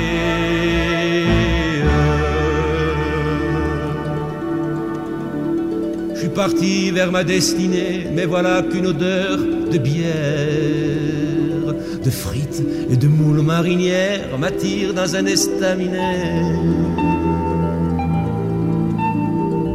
Là, il y avait des types qui buvaient, des rigolos, des tout rougeaux, qui s'esclaffaient, qui parlaient haut, et la bière, on vous la servait bien avant qu'on en redemande.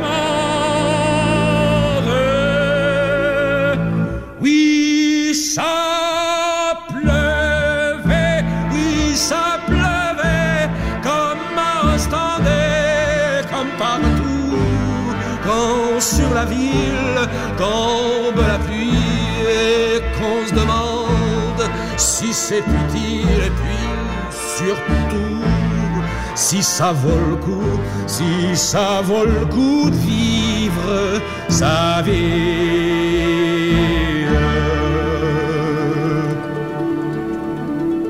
On est parti bras dessus, bras dessous dans le quartier où il y a des vitrines rempli de présence féminine qu'on veut se payer quand on est sous. Mais voilà que tout au bout de la rue est arrivé un limonaire avec un vieil du tonnerre à vous faire chialer, tentez plus, si bien que tous les gars de la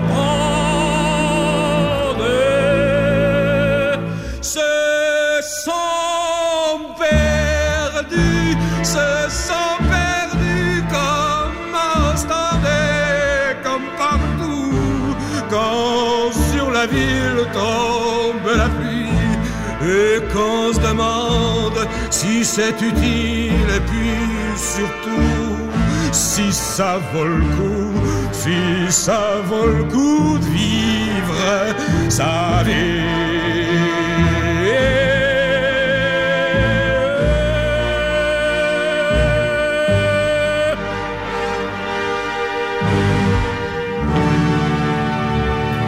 Leo Ferré met Kom à Ostende wordt ook uit dit lied geciteerd bij het begin van dat boek Moordenaar van eh, Bernard Westphal. Er werd lang gezegd dat dat het laatste grote assisezaak zou zijn, maar eh, er komt er nog één aan. Hè. Allicht wordt eh, de kasteelmoord ook een grote assisezaak. Jan Nolf, is dat... Um, een goede beslissing als dat uh, ook naar assisezaak, de kasteelmoord? Ik ben eigenlijk wel opgelucht dat het naar assise gaat. Alleen heb ik al uh, gisteren of eergisteren in andere media gezegd. dat ik eigenlijk liever zou hebben dat dat in Gent of in Antwerpen zou behandeld worden. Voor de neutraliteit? Ja, uh, dat is het begrip delocalisatie. In Frankrijk gebruikt men dat vaak. Daar verhuizen ze processen van, van Parijs naar eh, Bordeaux bijvoorbeeld om een meer serene sfeer te hebben. Dat vind ik toch ook belangrijk. Ik vind de stem van het volk via de jury de representativiteit, de betrokkenheid, de menselijkheid van de debatten, uh, de uitlegbaarheid ook van heel het onderzoek uh, op dat ogenblik, door de mondelinge debatten, heel belangrijk. Maar ik heb het niet zo voor betogingen. Uh, in de tijd van de voorhechtenis van, uh, voor betogingen voor een rechtszaal om recht te krijgen. Betogingen zouden natuurlijk om te beginnen niet moeten zijn om recht te krijgen. Ik vind dat ook een beetje sfeerschepperij kan zijn. Uh, in de tijd van Westfaal was er een betoging, een marche amical gepland om hem vrij te krijgen. En ik heb op Twitter voorspeld, die mars zal niet doorgaan, want op die datum zal hij toch vrijkomen. En gelukkig, het was een pak van mijn hart dat hij dan vrij kwam ik had het een beetje voorspeld, goed, uh, omdat er een andere samenstelling meer onpartijdige, dacht ik, samenstelling was van de Kamer in beschuldigingsstelling. Maar ik heb niet voor, voor dat soort van marsen. Ik heb wel ooit de mars van de Witte Mars ook in Roeselaar gehad voor mijn gerechtsgebouwtje. En toen vond ik het wel heel grappig. Men zocht, er waren heel veel mensen van buiten Roeselaar, en ze gingen manifesteren voor het grote gebouw dat ze dachten dat van justitie was. En het was dat van de belastingen naast mij de eerste met de vuist omhoog tegen de belastingen. Nu, in Nederland is Assisen afgeschaft in 1816. Uh, daar is ook geen vredegerecht. Nu uh, werken ze daar met kantongerecht. Daar kan je online procedures opstarten. Er moet bij ons nog veel veranderen hè, als het over justitie gaat. De hervorming. Uh, ja, maar Nederland is geen perfect voorbeeld, weet u. Uh, er bestaat een manifest van Leeuwarden waar heel uh wat uh, rechters zeggen dat is een fabriek wat wij nu gekweekt hebben hier. Uh, het is productie, het is papier, het is bladzijtvulling. Het is niet meer nadenken, maar copy-pasten van motiveringen. Bij ons is het toch niet veel beter? Ja, het is heel divers. -huh. En het is een probleem omdat onder magistraten wordt er toch heel weinig gedialogeerd. Iedereen kampeert op zijn eiland, op zijn methode, uh, op zijn idee. En uh, kritiek ook onderling. Toen ik magist nu is het natuurlijk godlastering als ik vanuit de pers uh, justitie bekritiseer. Maar ook toen ik dat binnenskamers deed, werd dat eigenlijk niet aanvaard. Maar je hebt justitie een uh, grote geldverspillingsfabriek genoemd. Hè? Is het echt zo erg? Het is een procedurefabriek. Men zwengelt uh, procedures aan door eigenlijk de techniek van het proces voeren uit te putten tot op de, tot op de limiet. Mm -hmm. Ik uh, heb nu zelf een paar testcases en ik ervaar dat nu als rechtzoekende zelf hoe formalistisch justitie geworden is. Ik heb eigenlijk in, in in het procedurewetboek, minder artikelen niet meer artikelen niet gebruikt dan wel gebruikt. Je kan zuinig omgaan met de artikelen in het gerechtelijk wetboek die de procedure aansturen. Zeg je, kijk eens, kom er eens over praten of ik ga ter plaatse kijken hoe het ineen zit. En je kan ook interactieve debatten organiseren. Je, je hoeft ook als passieve rechter niet te zitten, luisteren, een half uur, een kwartier, maar zelfs maar vijf minuten als je dan vijftig zaken hebt, naar, naar uh, advocaten die hun verhaaltje vertellen. Je kan even goed zeggen, kijk eens meester, dat zijn mijn vragen, uh, antwoord eerst eens daarop. En dan heb je een echt debat. Justitie moet een debat zijn binnen de magistratuur en ook op het proces. Mm. En het is te veel naast elkaar praten. En je hebt ook iets tegen de oorlogslogica hè, van veel magistraten. Die tegen. Ja, maar ook van advocaten zijn. natuurlijk. Ik heb dat. Ik heb dat proberen af te le leren, vocabulaire. Heel uh, concreet in Roeselare. Ik verbood het woordje tegenpartij. Want ik heb ooit in besluiten, dus conclusies geschreven van een advocaat. Ik denk vier keer of vijf keer het woordje tegenpartij in één lintwormzin gezien. En dan moet je dat weten uitspreken. De tegenpartij zegt. dat de tegenpartij vindt dat de tegenpartij gelijk heeft. Daar kwam het eigenlijk een beetje op neer, lang uitgerokken. En dat woordje tegen, tegen, tegen, dat kweekt een sfeertje van agressie, van belediging. En van beschuldiging en ook van al beschuldiging, een polarisering tot en met. En op het einde van dat pleidooi, uh, of een vonnis dat in die termen zou geschreven zijn, staan mensen verder van elkaar dan in het begin. En dan maakt justitie mensen ziek en het maakt ze nog een keer arm erbij, want het kost hen veel geld. Dus daar vind ik dat justitie een zeer twijfelachtige meerwaarde geeft aan wat rechtvaardigheid moet zijn. Justitie is een kostprijs, een last eigenlijk voor het verhaal van wat het verhaal van rechtvaardigheid moet zijn. En ik denk dat justitie te veel benaderd wordt als een techniek, als een productieproces, als een machine. Het is een blinde machine. En daarom komt het zo Kafkaiaans over tegenover de mensen. Vandaar dat verzet van de mensen. En daar moet naar geluisterd worden, want anders luisteren ze naar de valse profeten van het populisme. En, en, justitie wordt dan geassocieerd met dat verdomde establishment, wat het eigenlijk ook is. Terwijl een dialogerende justitie, die reikt net de hand uit aan de mensen. En die zegt, kom binnen, ik luister.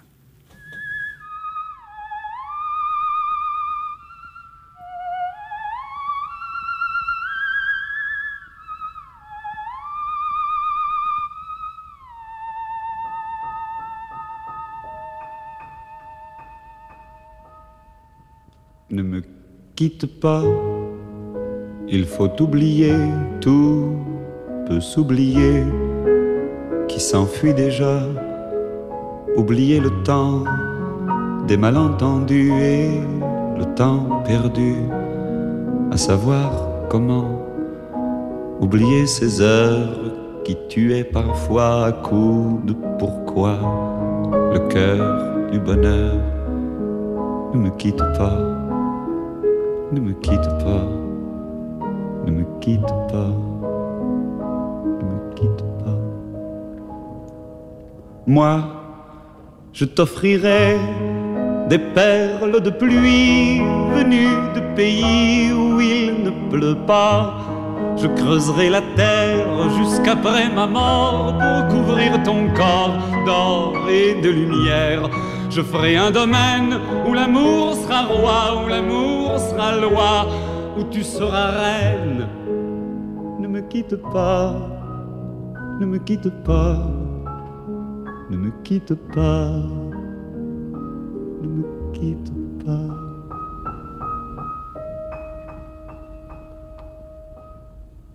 Ne me quitte pas, je t'inventerai des mots insensés que tu comprendras.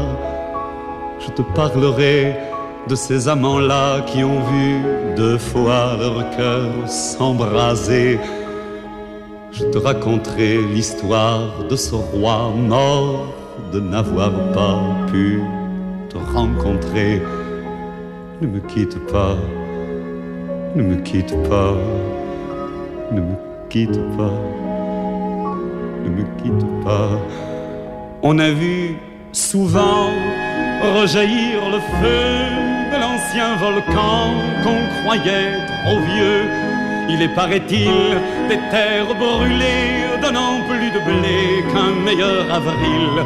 Et quand vient le soir, pour qu'un ciel flamboie, le rouge et le noir ne s'épousent-ils pas? Ne me quitte pas, ne me quitte pas, ne me quitte pas, ne me quitte pas.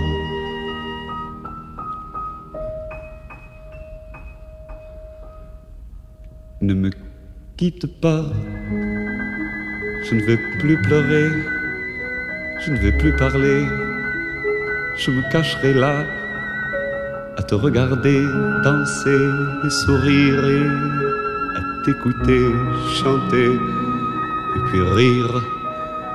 Laisse-moi devenir l'ombre de ton ombre, l'ombre de ta main, l'ombre de ton chien Ne me quitte pas, ne me quitte pas, ne me quitte pas, ne me quitte pas. Jacques Brel en Ne me quitte pas, Jan Nolf. Dit nummer is eh, zeer betekenisvol geweest in jouw leven, hè? Mhm. Ja, ehm, op de universiteit ben ik uh, ondersteboven verliefd geworden op jonge dame met groene ogen. En ehm, dat is een daverende romance geworden. Ehm, maar dan begon het natuurlijk. Een keer dat ik toch advocaat werd en geen diplomaat, daar kon ze mee leven, maar met de politiek kon ze niet leven. En ik was inderdaad hele dagen buitenshuis. We hadden net twee jonge kinderen. Je was voorzitter van de PVV Jongeren, hè? Ja, in de jaren tachtig. Uh, ja, uh, na Verhofstadt. Verhofstadt was toen vicepremier. Um, en um, ik herinner me inderdaad dagen dat ik drie keer over en weer reed van Brugge naar Brussel. Toen kon dat nog. S'morgens voor een vergadering, smiddags nog pleiten in Brugge. S'namiddags een vergadering in, Brugge, in Brussel, s'avonds uh, consultaties in Brugge en terug naar Brussel voor een vergadering. En um, dat, ja, dat was een leven waarvan mijn huisdokter op een bepaald ogenblik zei... Um, als je zo verder doet, dan haal je de 40 niet. Dacht, allee, kom, uh, als compromis de 50. Nee, zegt hij, de 40. En um, Anne kon er helemaal niet in mee. Ze is mij één keer vergezeld. Dat was om mijn aanvaardingsspeech te aanhoren op het nippertje. En um, dat lag heel moeilijk. We hadden dan heel veel personeel in huis. Uh, och ja, medewerkers, veel secretaresses enzovoort. En zij is iemand die privacy heel erg nodig heeft. Um, wij zijn heel erg verschillend en daardoor vullen we elkaar zo aan. Mm -hmm. En daardoor hebben we elkaar ook zo nodig. En um, tja, dan, dan ging het wel breken. Dat ging, we, we dus vrederechter worden was, was een toegift. Heb je een beetje tegen je zin Ja, gedaan? eigenlijk wel. Uh, en die, die 20 years of boredom, ik keek daar echt niet naar uit. En het is, ik ben daar dan heel goed gevallen met een prachtig team met Roeselare. Maar het is een heel zwaar compromis geweest. Mm -hmm. En ik heb toen alle bruggen opgeblazen. En ik ben 25 jaar lang uit de politiek ontluist. Mm. Um, voor haar en voor jouw twee zonen ook, hè? Absoluut, absoluut, absoluut. Ja. En op die manier, daar, daar kon ik zelf alleszins ook niet mee leven, uh, van hen te weten opgroeien. Ja. Wat is er van hen geworden? Ah, geen advocaat. dat zo, uh, alles, de, de, jongste is een, is een, een heel goede commerçant. Um, en de oudste zou een prachtige advocaat geweest zijn. En het zijn alle twee fervente skiers, topskiers, ja. skimonitor geworden. Aha. Lode is directeur van uh, Sneeuwsport Vlaanderen. Tim heeft een heel mooie shop in Brugge. Uh, ja, en ik heb ze op de ski laten kunnen zetten. Ja, rond vanaf hun 2,5, 3 jaar. En ja, vanaf misschien vijf, zes skieden ze al heel veel sneller dan ons. Ze zijn echt talenten wat dat betreft. Tim zorgde voor uh, het eerste geslaagde hoger beroep tegen een gasboete, hè? Ja. Ja. Dat heeft hij ook wel op zijn palmarès staan. Hij heeft rechtspraak gemaakt die in het officiële uh, rechtskundig weekblad is gepubliceerd. Mag ik zeggen, dankzij jou, want als jij er niet had achter gezeten, was dit waarschijnlijk nooit gebeurd. Maar dat is net het onrechtvaardige natuurlijk. Het begon met een briefje tussen de ruitwisser. Hè? In Oostende. En dat is, parkeren was toen al met gasboetes in Oostende. En dat heb je dan, je hebt dan het ongeluk van een vader te hebben, het ongeluk, een strenge vader te hebben, die natuurlijk niet gelooft. Die zegt hem, ja, je hebt er niet uitgekeken. Nee, papa. En ik ben dan zelf naar Oostende gereden, omdat ik hem een kans wou geven. Ik zeg, kijk jongen, het is goed. Ik ga zelf gaan kijken of dat... En ik, hij had gelijk. We hebben er een heel mooi dossier van gemaakt. We wouden gehoord worden. Dat is allemaal verticaal geclasseerd uh, in, in, uh, in Oostende door de gasambtenaar. En in Brugge is dat anders gelopen. Maar dat was een primeur. Man had nog nooit een beroep daar gekregen. Mm -hmm. Zelf ben je ook ooit opgepakt geweest. Ja. Dat is, uh, ja, uh, dat is uh, hashtag Hooligan. Niet Hooligan, maar Hooligan. Vorig jaar was en dat, dat Michael van Peel die hashtag gemaakt heeft. Bij de Champions League-wedstrijd Club Brugge-Manchester United Niet dat je daar uh, als supporter uh, nee, aan het voorbijlopen was, maar het was iets anders. Hè? Ja, totaal. Ik ken niks van voetbal. Dus de helikopter van de politie ging boven ons huis. Um, en dan dacht ik, er is hier toch iets aan het gebeuren. En ik doe opzettelijk een wit hemd aan, om goed herkenbaar en zichtbaar te zijn in de duisternis. Ik had ergens het gevoel dat het toch wel iets kon slecht aflopen. Um, het enige wat ik thuis vergeten was, was mijn pas, mijn identiteitskaart. Maar ik had wel mijn fotoapparaat en mijn iPhone mee. En eh, bon, er was wat gebakkelei, zoals in wat ik de noodtoestand van de voetbalwet noem. Hè. Wij wonen dan net in die kring van vijf kilometer, waar er eigenlijk een militair regime hoort. En er was wat hebel met die supporters. Ik heb een paar foto's genomen. Nu, het hele verhaal heb ik dan gedaan aan het comité P, dat daar een hele dag voor uitgetrokken heeft. Ondertussen hebben ze geluk, jammer genoeg veel, uh, veel ander werk. Uh, het kwam erop neer dat jij mee bent opgepakt ik geweest. Ik ben opgepakt met... in het busje gestopt met de Engelse supporters, als enige bruggeling, als enige Nederlandstalige, weet ik overigens. Terwijl je eigenlijk gewoon maar eens ging kijken wat er aan het gebeuren ja. was. En, maar in, en ik nam een foto, maar op de rug van die agenten. En dan zei, zei een agent, niet filmen. Ik zeg, ik film niet. En dan verstond ik ook wel dat, dat hij niks wou. En ik zeg, kijk eens, ik, ik stop het, ik doe het niet, maar ik ben wel niet akkoord met uw bevel. Zeg ik zo heel nadrukkelijk. En dat was te veel blijkbaar. En in een mum zijn je handen dan op je rug gebonden. Bij de misdadigers op assisen binden ze de handen, kom je geboeid binnen met de handen vooraan. De hele gevaarlijke boeien ze achteraan. Oei, ik ben dus achteraan geboeid. Dan kun je eigenlijk niks meer verroeren. Ik vond, dan dacht ik wel, eh, dat is het moment van je leven. Het is geen moment de gloire misschien, maar dit moment moet je heel bewust leven. Ik heb me beleven. En ze hebben nu gevraagd, waarom zouden ze vragen wie ik was? Eh, ik heb het ook niet gezegd. Ik wou ook geen uitzonderingsregime. Enkel op de bus zelf, wanneer het dan toch uh, duidelijk er naar uitzag dat ik weggevoerd ging worden, heb ik gezegd, ik zou graag mijn vrouw bellen. En dan bij één agent, en ik weet heel zeker dat het een dame was, ik zag het aan haar ogen, die heeft geluisterd en die heeft plots gezien uh, wie ik was. En dan heb je de klassejustitie. Ik word dan wel weggelaten, ja, inderdaad. Uh, maar om te beginnen vind ik dat ze burgers niet moeten oppakken die een onschuldige foto uh, nemen. Dan leven we in een politiestaat en dan is de noodtoestand al uitgevaardigd binnen het kader van de voetbalwet.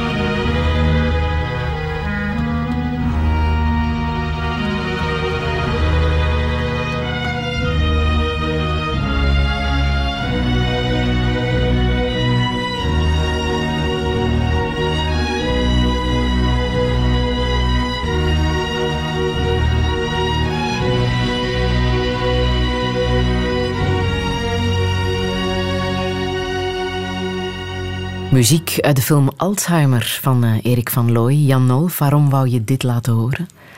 Prachtige film om te beginnen, prachtige muziek. Het thema Alzheimer zelf, buiten de film om, is iets dat ons heel diep geraakt heeft. We hebben twee maanden palliatieve zorgen, gegeven aan mijn uh, schoonvader, die thuis bij ons overleden is. Mhm. Dus Alzheimer, daar hebben wij mee omgegaan. Uh, ik heb ook boeken geschreven, juridische werken dan, hoe je mensen op die manier juridisch kunt beschermen. Is een thema dat mij heel diep raakt. Um, de film zelf is natuurlijk een aanklacht tegen die arrogante justitie. In dat geval in de film, ja, uh, gaat het natuurlijk zeer ver. Het, is dan, het gaat veel verder, corruptie. Um, laat ons dat toch uh, bespaard blijven. Maar ik vind het een mooie afsluiter van de film. Het is geen belerende film. Uh, je kan daar nog uh, ook vreugde, humor uitputten. de afsluiter zeker is eigenlijk zo'n een heel symbolische daad tegen die arrogante onderzoeksrechter, de kleine politieman. Uh, en dan is het verhaal niet af en je weet niet wat het wordt. En dat vind ik het mooie. Uh, justitie is, um, dat is een uitdrukking van Erwin Mortier, die ik zo mooi vind, is de onbegonnen mogelijke tijd. Het is de tijd waaraan we niet begonnen zijn, maar die we mogelijk moeten maken. En dat is het verhaal van rechtvaardigheid. Jij bent er vorige zomer 65 geworden, hè? Juist, ja. Wat zou je nog willen in het leven? Ach, ja. Um, wel, heel concreet, ik zou wel nog graag een roman schrijven mm en een theaterstuk. Wauw. Ja. Uh, Michel Kleijs heeft dat gedaan. En uh, alleszins romans. En misschien kan ik in een roman meer meegeven dan in mijn juridische werken of in een opinieboek, dat voor een stuk natuurlijk ook dieper graaft, zoals de kracht van rechtvaardigheid, naar het verhaal van Casagate. Casagate moet een film worden. Hmm. Stap je ooit nog terug in de politiek? Uh, Anne weet dat zeer goed.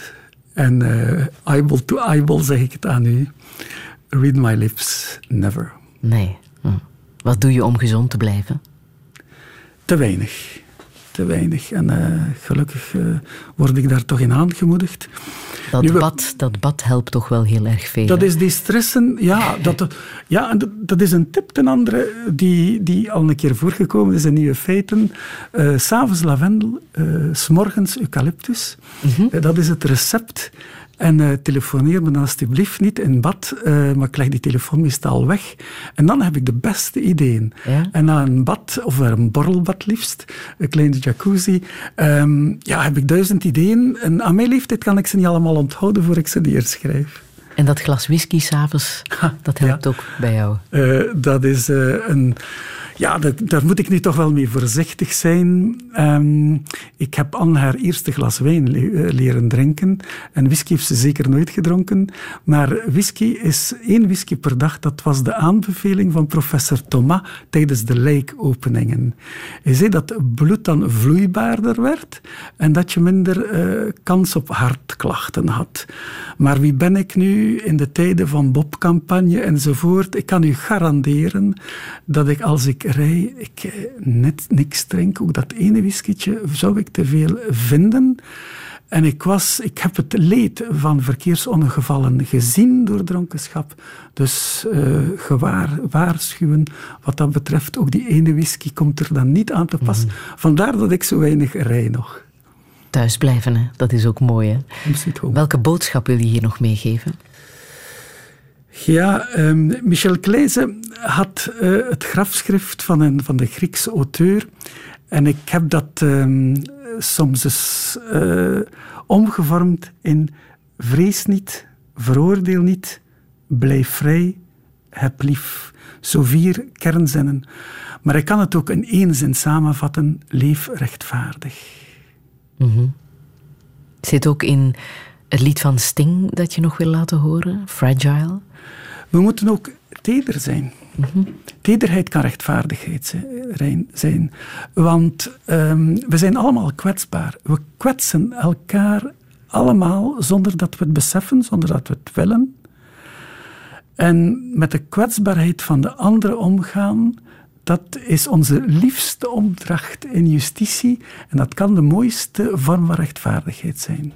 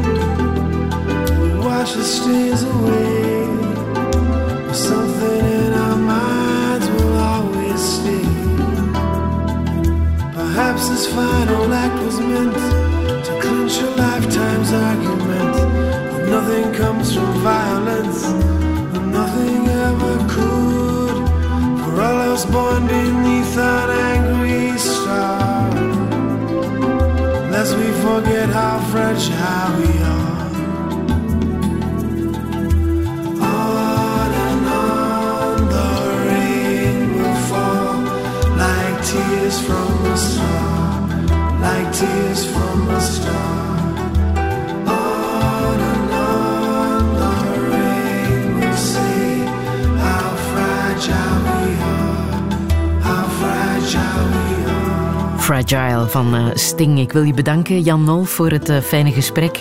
Alle info is zo meteen terug te vinden op radio1.be. Zometeen is er Grand Cru en daarna Sportza. En volgende week de Vlaams-Russische schrijver Alexander Skorobogatov. Radio 1